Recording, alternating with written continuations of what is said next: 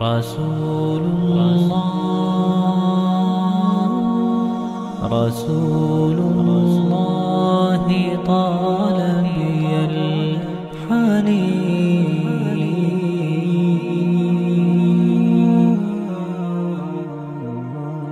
وأرق موجتي شوق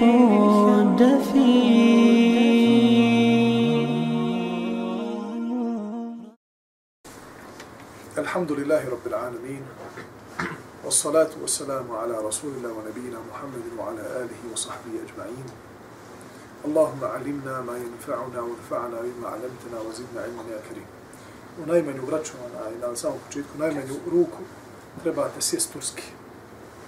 Znači, nikako podignuti koljena. Allah se radi.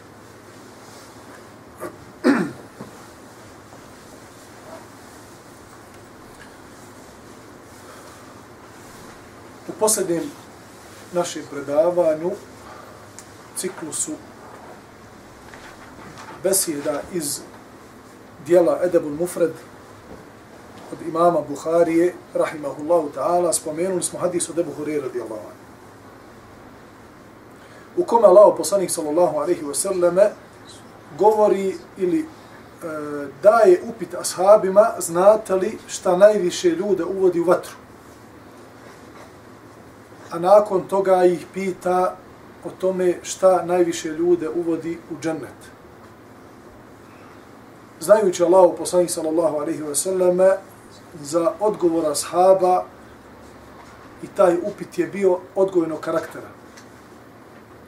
Što znači da čovjek ponekada u svom odnosu ili svom svojoj komunikaciji sa bližnjima, sa daljnjima, sa svojim prijateljima, sa starijim i mlađim osobama, treba da koristi ovaj poslanički metod odgoja. Da kada primijeti da je e, da treba o nečemu da progovori, da jedna od metoda bude da upita znači onoga koje kome želi da upi, onaj uputi savjet, da li znaš o tome i tome koji je propis. Ako ta osoba progovori o tom propisu i objasni ga onako kako ga ti, ti o njemu da preneseš, ti si već odradio posao. Ti na to sve klimneš glavom i odobriš i pohvališ njegovo znanje što će ga podsjetiti možda na njegovu, njegovu prazninu ili njegov prekršaj ili neki grijeh koji on čini ili nešto što ti želiš da ga, ti, da, da ga tim savjetom posavjetuješ, time će uz Allahu pomoć sebe podsjetiti na ono što mu je potrebno. Jer Allah Đalešanu kaže فَذَكِّرْ فَإِنَّ الذِّكْرَ تَنْفَعُ الْمُؤْمِنِينَ Ljudi su zaboravni. Ljudi su zaboravni naći ćete čovjeka da zna jednu meselu, ali je ne koristi u svom životu. Naći ćete također da poznaje propis, ali ga ne koristi u svom životu. Pa zato je potrebno da s vremena na vrijeme postičemo jedni drugi na određena važna pitanja u životu, kako bi čovjek dobio taj elan i tu snagu da sprovede to što zna od znanja u svom životu.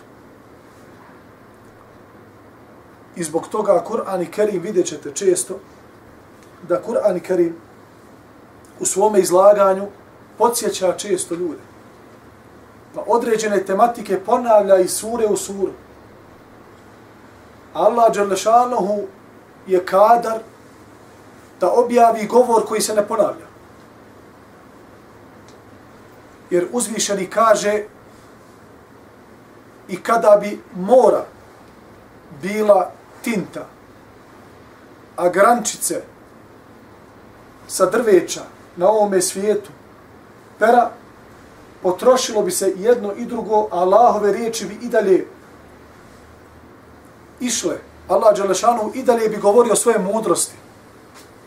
I dalje bi Subhanahu wa ta'ala govorio o svome znanju, koje je neizmjerno, koje je beskonačno. Ali Allah mudri spušta Kur'an i Kerim i ajete koji se ponavljaju. Jer Allah Đalešanuhu spuštanjem Kur'ana je htio da taj Kur'an i Kerim koristi ljudima. A ne samo da, mu, da se čude njegovom skladu. Allah Đalešanuhu je spustio Kur'an kako bi bio vodilja ljudima da se ljudi okoriste od njega. A i da se dive njegove retorici, da se dive njegovom savršenstvu, da se dive skladu kuranskih ajeta, skladu onoga što je Allah Đelešanu htio tim kuranskim ajetima i mudrostima koje će ljudi iz kuranskih ajeta vaditi iz dubina poput dijamanata i, i bisera iz dubina morskih okeana do sudnjega dana. Međutim, nije bio znači, prvi jedini moment spuštanja Kur'ana da se samo ljudi čude Kur'an i Kerim. Što znači da Allah Đalešanu upoznavajući kao tvorac nebesa i zemlje i tvorac ljudi, poznavajući ljudsku prirodu, znao je da je čovjek, zna da je čovjek šta? Zaboravno biće, da ga treba podsjećati. E tako i mi trebamo jedni druge podsjećati na određene momente, iako čovjek poznaje određenu tematiku, treba ga podsjetiti, jer Allah Đalešanu kaže فَذَكِرْ فَإِنَّ ذِكْرَ تَنْفَعُ الْمُؤْمِنِينَ Ti podsjeti, a podsjećanje će koristiti vjernicima. Nakon toga dolazi predaja od Umu Darda. Umu Darda je supruga od Ebu Darde, poznatog ashaba, Allahu poslanika, sallallahu alaihi wa sallam. Ebu Darda je bio jedan od e, ashaba koji su dali razvod, znači talak su dali ovome svijetu. Iako je Allah Đalešanuhu ostavio dozvoljenim većinu stvari na ovome svijetu, Ebu Derda se posvetio ahiretu. I to je bio jedan veliki asketa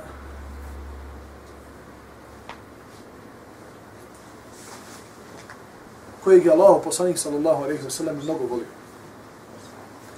Jedne je večeri njegova supruga je slušala njegovu dovu na noćnom namazu. I prenosi umu Darda, kaže, jedne večeri je Ebu Darda ustao da klanja noću. I dok je klanjao, kroz suze je do sabaha molio Allaha Đelešanuhu jednu te istu dovu i govorio je Allahumma ahsanta khalqi fa hasin khulqi. Allahu moj, dao si mi lijep izgled, pa daj mi i lijep moral. I što ono u osnovi, ova dova se isto koristi kada čovjek stane pred ogledalo. I treba da prouči dovu Allahumme ahsin huluki kama ahsanta halki. Allahu moj, uljepšaj moj moral, moj ahla, kao što si uljepšao moje, moje tijelo.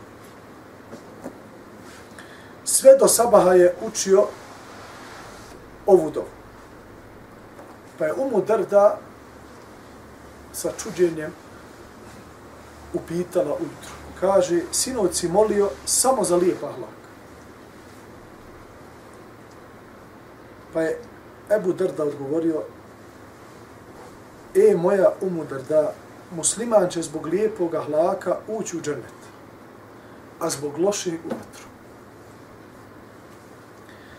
Pravom muslimanu opraštaju se grijesi dok spava.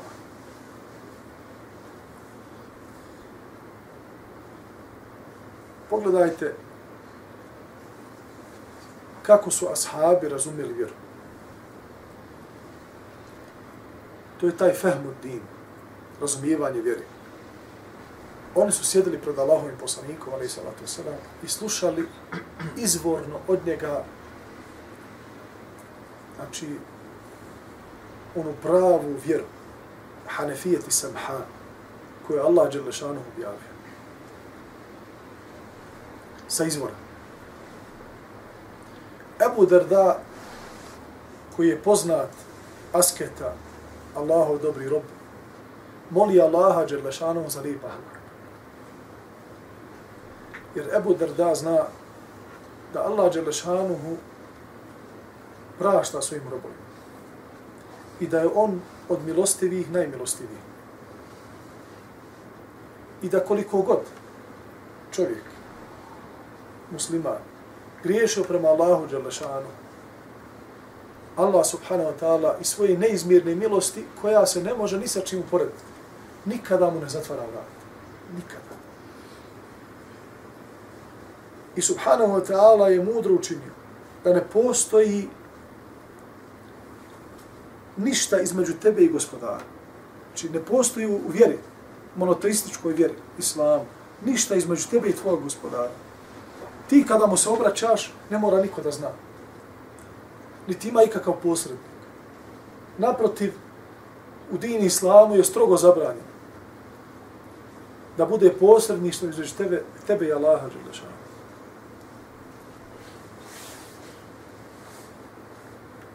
Osim u situacijama da posrednik bude dobar čovjek, živ, musliman, u čije ti bogobojaznost vjeruješ, pa da ga zamoliš da dovi Allahu Đelešanuhu za te.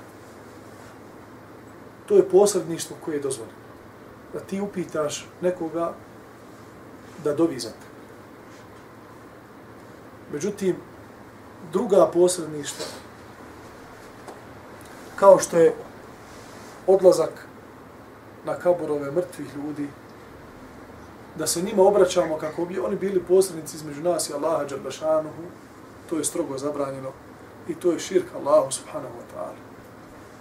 I opravdanje da smo mi niko i ništa, da smo mi mizirni, da Allahu Đerbašanuhu se direktno obraćamo, pa idemo tim velikanima njihove kaburove i stida od Allaha Đerbašanuhu da mu se direktno ne obraćamo, to je ružno mišljenje gospodaru svjetova, Prvenstveno. Jer Allah Đelešanuhu stvarajući svoje robove, voli ih. Druga stvar, svi smo mi mizirni kod Allah. Nema nikoga nije miziran. I svi će Allahom milošću ući, oni koji će ući u džennet, svi će Allahom milošću ući. Čak i Rasulullah, alaihi salatu kao što je poznato u vjerovosobnom predaju. Svi smo mi mirzirni kod Allaha, وكلهم آتيه يوم jevme فردا farda. I svi će pred Allaha Đalešanuhu doći pojedinačno na sudnjemu danu. Niko sa svitom neće doći. Niko neće doći ogrne, ogrnut u nekakve svilene ogrtače, da bude povorka za njim. Svi će doći pred Allaha Đalešanuhu pojedinačno. Svi će isto izgledati. Nema kod Allaha Đalešanuhu na sudnjemu danu razlike. Tako da rob, najbolja dova je roba koji dovi za sebe, koji se Allahu Đalešanu lično pokaje i čuva to između sebe i svoga gospodara. Ebu Darda kaže, to je, što se tiče mene i gospodara, to je jedna riječ. Estagfirullahu je tubu ili. Međutim, problem je, braćo moja, ako ti zahatori čovjek kome su učinio nepravdu. Ako ti čovjek kome su učinio nepravdu neće da halali, svoj hak će uzeti na sudnjem danu. Pa je Ebu Derda, radijallahu anhu, razmišljao šta bi ga na ovome svijetu moglo najviše odvesti u dženecka prostranstva mimo ibadeta. A u isto vrijeme šta je najopasnije, šta je najopasnije i šta najbrže može čovjeka odvesti u vatru, pored ibadeta koji čini i trudi se da bude dobar musliman, pa je shvatio da je to moral. Lijep moral kao što kaže sallallahu alaihi wa selleme dovodi čovjeka do stepena onoga koji klanja noću i posti dan. A loš moral, kao što je došlo u hadisu koji je kod muslima, žene koja je zatvorila mačku pa je nije dala da se hrani, e, druge žene koja je postila danu, uručivala sadaku i bila pobožna, međutim je zijetila svog komšiju i ostali hadisi i cjelokupni, znači, e, fehm, razumijevanje, način razumijevanja islama, jeste da loš moral i kako čovjeka može odvesti u džehennem, makar on bio pobožan i blizak Allahov rob kada, je, kada se tiču i badeti i ono što je pravo Allaha Đalešanuhu kod, kod ljudi. Zatim Ebu Darda koristi priliku gdje Umu Darda radoznala zašto je on po cijelu noć dobio samo jednu dobu. Pa na jedan drugi način želi da joj aludira na dvije stvari. Kaže, pravo muslimanu se opraštaju grijesi dok spava. Kaže, pa kako mu se opraštaju dok spava? Kaže, kada mu brat musliman ustane na noći namaz, pa zamoli Allaha za njega i za sebe, Allah Đalešanuhu u tu dovu usliša. A vjerodostojno je došlo kod muslima da Allah poslanik sallallahu alaihi wa sallam rekao kada brat provu, kada musliman svome bratu prouči dovu hajra Allah Đalešanuhu pošalje meleka koji stoji iza njegove glave i kaže amin wa laka bi misli zalik amin i tebi također tako da čovjek kada dobi za svoga brata muslimana i Allah Đelešanu u tim kasnim satima, u tim sitnim satima, usliša njegovu dovu, jer Allah subhanahu wa ta'ala se spusti na ovo zemaljsko nebo i pita ima li onaj kome nešto treba da mu dadne, ima onaj koji, koji traži oprosta da mu oprostim i tako dalje. Allah subhanahu wa ta'ala prima tada dovu, a i ako doviš za svoga brata, onda imaš dvije koristi, prima se dova za tvoga brata, a i meleci aminaju za tebe isto. Allah najbolje zna jedno od mudrosti e, govora Ebu Darda Umu Dardi o ovome jeste da on joj želi da kaže o Umu Darda dok si ti sino spavala, ja sam dovio za tebe. Za svoju suprugu.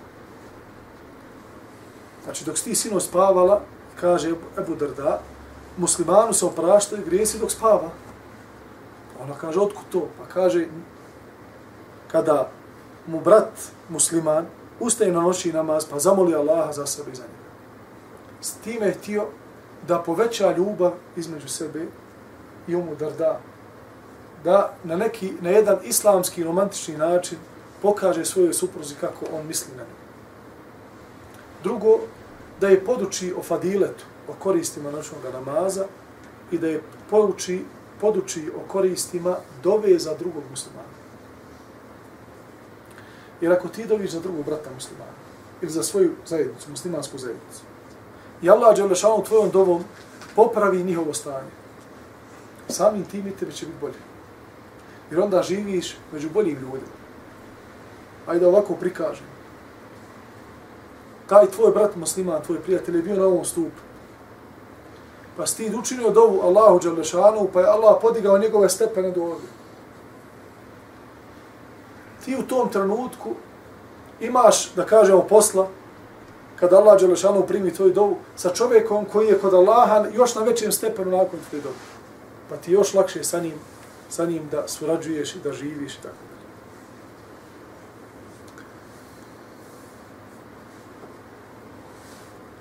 Taj. Sljedeći hadis je od Usame ibn Šerika priča. Bio sam kod vjerovjesnika, sallallahu alaihi wasallam, kada mu dođe dosta beduina, ljudi iz pustinje, seljaka, iz različitih mjesta, i steloše da ga zapitkivaju, dok su drugi svi šutjeli.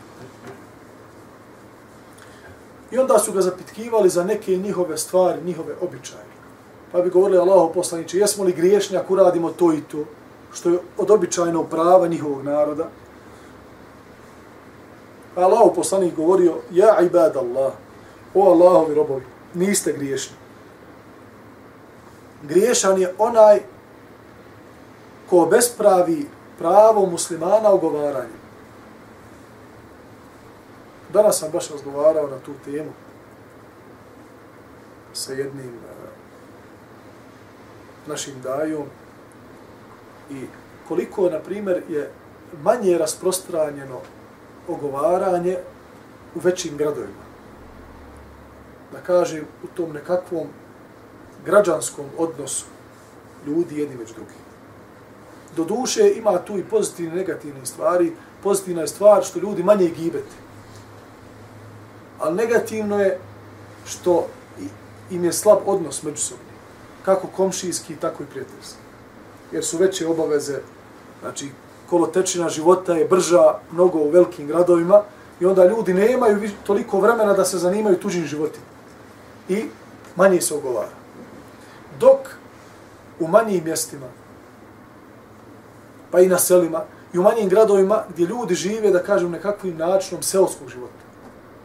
Tu ne možeš kafu popita da ljudi ne saznaju. Ne možeš se počešati po glavi da ka, eh? na grupi tamo odmah se napravi grupa, kaže počešao se po glavi. To je takav mentalitet. Allaho poslanik, ali i salatu se učitelj čovečanstva.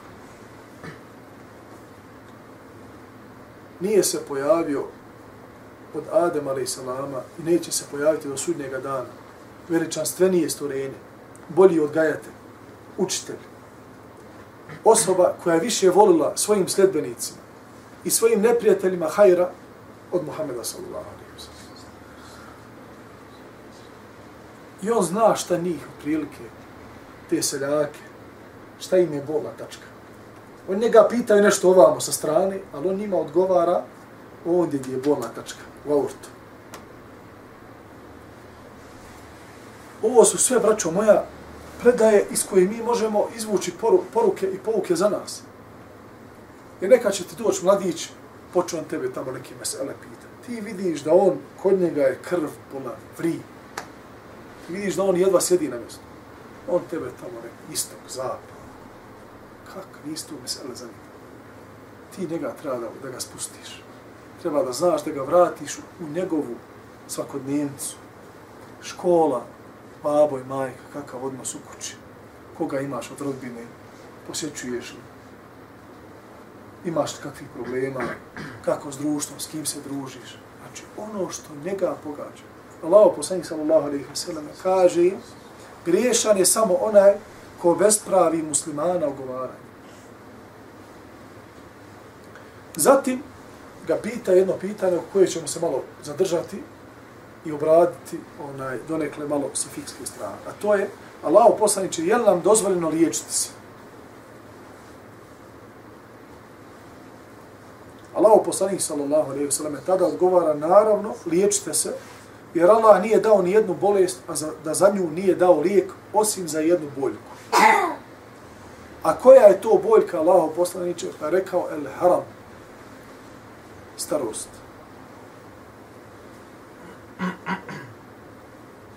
Zatim biva rečeno šta je najbolje što čovjeku može biti dato.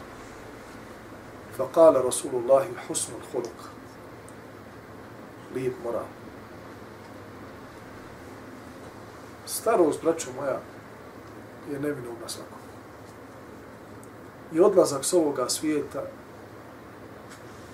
je neupitan. Danas se troši ogromni novci. Mogla bi se sva sirotina nahraniti. Da se pokuša naći rešenje kako da čovjek postane besmrtan. Ili u najmanju ruku, da kad mu kucne smrtni čas, da se on nekako balzamuje ili da se zaledi, pa da se putem eksperimenata za stotinu ili dvijesto, dvije stotine godina pronađe modul kako da se te njegove čelije i njegovo srce ponovo živi, pa da on ponovo proživi u nekom drugom vremenu. Nema od toga ništa.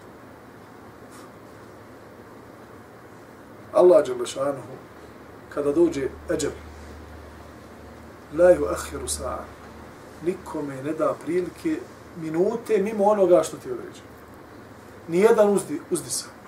Znači, tada oksigen postaje vredniji od cijelog kosmosa. Samo jedan utisak. Pa pogledajte kako mi sad koristimo zrak. Jer nam neko naplaćuje, neko. Kad dođe smrtni čas, tada da uložiš sve planete, zvijezde, sve zlata, nakita, dijamanata, da samo još jednom udahneš, neće. Tada jedan uzdisaj vredniji od cijelog kosmosa i sve što sunce opasi. Pogledajte kakvi mi blagodatima živimo. Svakog dneva.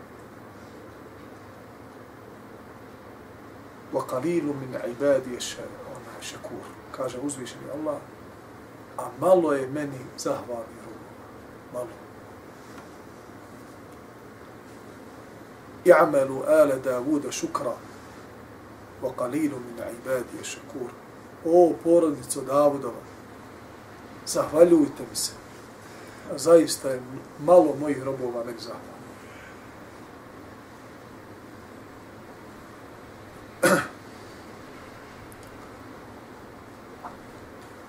Pored toga što odlazak čovjeka s ovoga svijeta je neupitan i ljudi stare. Kad je čovjek mlad, dok je mladić, jedva čeka da upotpuni svoju zrelost. Da mu brkovi narastu, da, da bude jak, da bude sposoban, da nešto vodi. Da. Kad uđe u godine, kaže, e da, bo, da se vratim sad u školske dane, da još malo poigram, da me koljena služi i tako. Znači, čovjek je takav. Ali vjerujte, onaj ko ima lijep moral i onaj ko radi dobra djela i koji stalno je vezi sa Allahom Đalešanuhu, neće žaliti za svojim životom. U što ga je problem. Jer zna uz Allahovu pomoć da je svoju mladost ostavio na Allahovom putu. Da je živio kako Allah Đalešanu želi. Pa mu neće biti mlado, mladost neće mu biti žao što je mladost prošla. Pa je u starosti, ono što će ga krasiti, kada tijelo više neće možda ga krasi, i kad lijep izgled neće biti više manir oko koji će se ljudi okupljati, pa kako ovaj lijep, pa je lijep i u društvu i tako da, to je lijep ahlak. To je lijep ahlak kad ovo govorim, kad sporedim lijep ahlak i stare ljude, prva ličnost koja mi dođe ovako pred oči, slika njegova je šeha Abdul Qadir Rahmetullahi. Arnaut, muhaddis. Braćo moje. Čovjeka sa većim znanjem, a sa lepšim moralom i blažeg ja u životu vidio nisam. Slušao sam svašta, ali ono nisam vidio. On ima vremena i za staru ženu koja mu kuca na vrata da ga nešto upita. I za onog prolaznika koji, ne znam, prosi. I za nekog tamo munjenog studenta onaj, koji je došao, ne ima on pojma zašto je on tu. On je došao nešto traži po nekim knjigama, počeo se raspravlja sa šejihom, misli da je cijeli umet se okriče oko njega. Toliko je merhametli bio. Rahmetullah ali.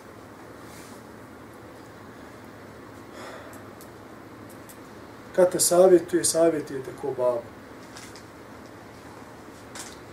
I nikada ga nisam vidio smrštenog osim jednog.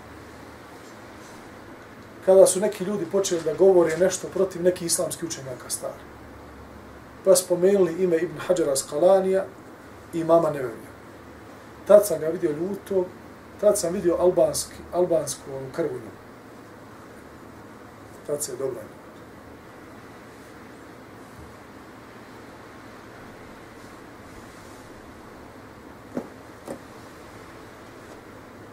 stalno mi je govorio, ponavljao, vraću moja, znanje je svjetlo, ali bez islamskog morala, bez blagosti, bez morala selefa, teško ćete moći ljudi napraviti. Ona mi to stalno govori. Da husnul huluk, lijep ahlak, sa ispravnim znanjem uz Allahu pomoć će koristiti ljudi. A ispravno znanje, bez lijepog morala, bez rahmeta pre, prema ljudima, malo će koristiti, ne zbog toga što ta istina nema dovoljno snage da prodre do ljude, nego taj faktor, čovjek koji prenosi to znanje, zbog svog nekvalitetnog prenošenja, zbog svog neimanja morala i rahmeta prema ljudima, a to ljudi uviđaju, neće ljudi tjeti da prime od njega, i onda će možda neko kriviti ljude da on ne žele da prime istinu, a nije istina u tome nego ne želi možda ljudi da prime istinu zbog tebe i zbog mene, brata. E tu je onda problem. Problem je ako ljudi ne žele istinu radi mene i radi tebe. Zato što mi nismo adekvatni da prenosimo tu istinu. Onako kako bi to trebalo. وَلَوْ كُنْتَ فَضْلًا غَلِيذَ الْقَلْبِ لَنْ فَضُّ مِنْ حَوْلِكَ Ajet, ja sam kao dan. Kao sunce u pol bijela dana. Bez oblaka. Da si bio osvoran i grub prema njima, oni bi se razišli. Oni te ne bi slijedili. Oni te ne bi slušali. ne bi se Kur'anom bavili, ne bi tvoju poslanicu njegovali i ne bi je držali i ne bi bili ono što su bili. Ko? Najbolji Allahovi robovi nakon poslanika ashabi. Ko smo mi, znači? Da ljudima kažemo, ja sam mu rekao istinu, pa boli me briga. Moje je bilo da prenese. Nije istina, brate mi. Ako već prenosiš Allahov govor, Allahov rob, ako nudiš ljudima ono što je najbolje, što je najkvalitetnije, nudi na lijep način. Nemoj biti osoban. Ili šuti.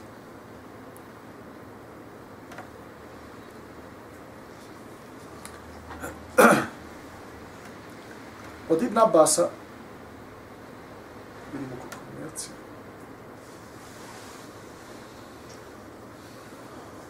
još 20 minuta. Paj. Završit ćemo s ovim, s ovim hadisom. Od Ibn Abbasa radijallahu anhu kale, كان رسول الله صلى الله عليه وسلم أجود الناس بالخير وكان أجود ما يكون في رمضان حين يلقاه جبريل صلى الله عليه وسلم Od Ibn Abbas se prenosi da je rekao bio Allah poslanik sallallahu alaihi wa sallam najdarežljiviji čovjek. A posebno bi bio darežljiv u mjesecu Ramazanu kad bi se susretao sa Džibrilom.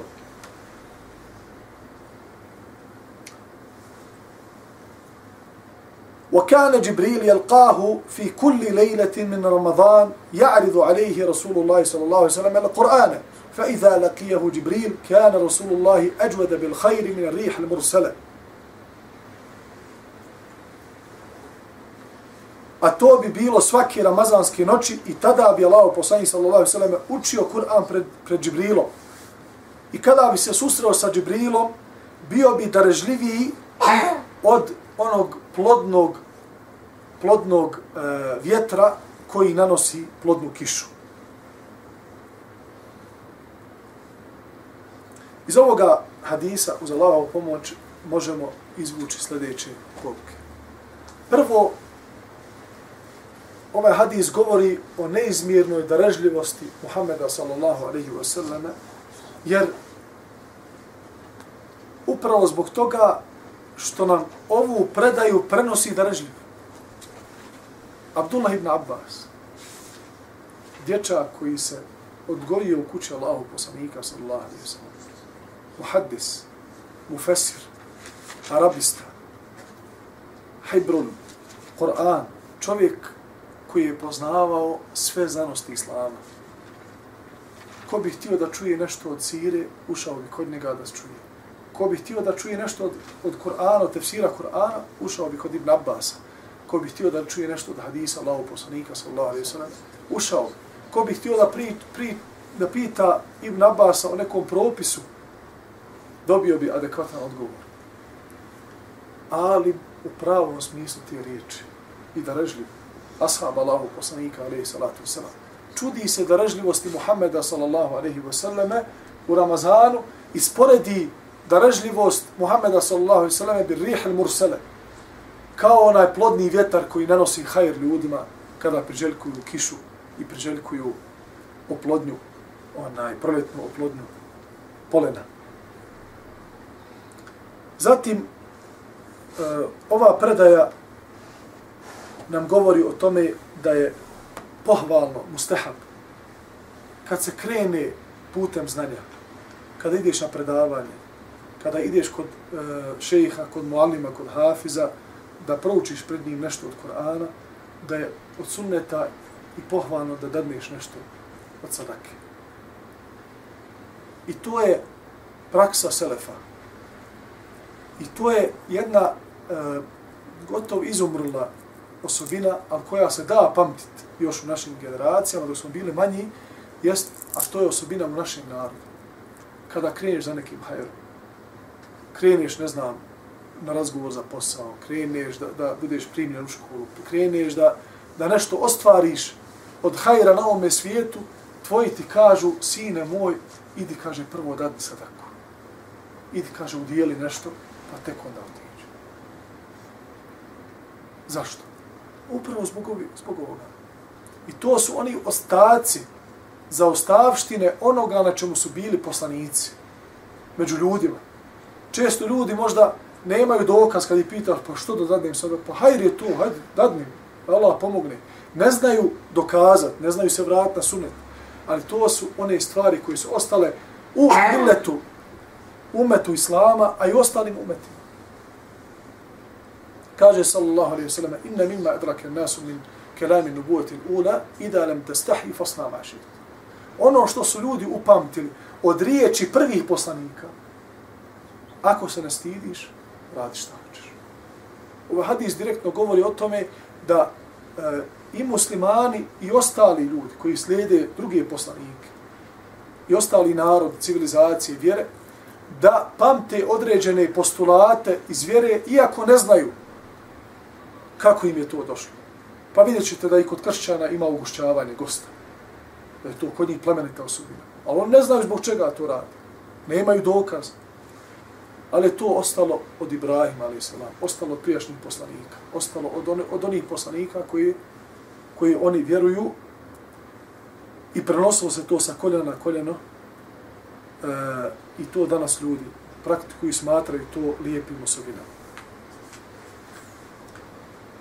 Tako da je da ovaj ovaj hadis nam e, govori o tome. Također ovaj hadis nas približava onome što nam uz Allahu pomoć uskoro dolazi, a to će inshallah taala biti u narednim neki jednim od, od narednih bližih predavanja, jedna od naših tema gdje ćemo govoriti nešto o Ramazanu uz Allahovu pomoć zbog toga što Ramazan e, je ubrzo sa nama, Mubarak mjesec, mjesec svakoga hajra, mjesec gdje muslimani napajaju svoje duše, gdje jednostavno osjete bereket, osjeti rahmet, osjeti magfiret, osjeti blagodat Islama i predanosti Allahu Đelešanuhu i bereketa Kur'ana koji uče danju i noću posta mjeseca, mjeseca Ramazana.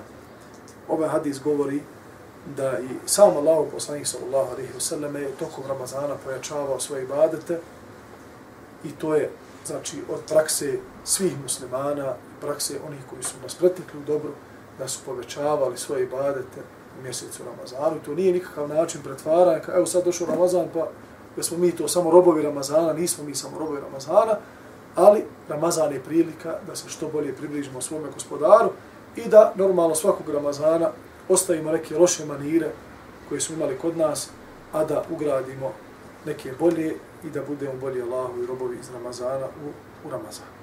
Allah, Đalešanu, molim da nas se smiluje, da nas uputi na pravi put, oprosti grijehe i smiluje se svim muslimanima i mrtvima i živima. Kulu qavli hada, astagfirullah Allah li valaku.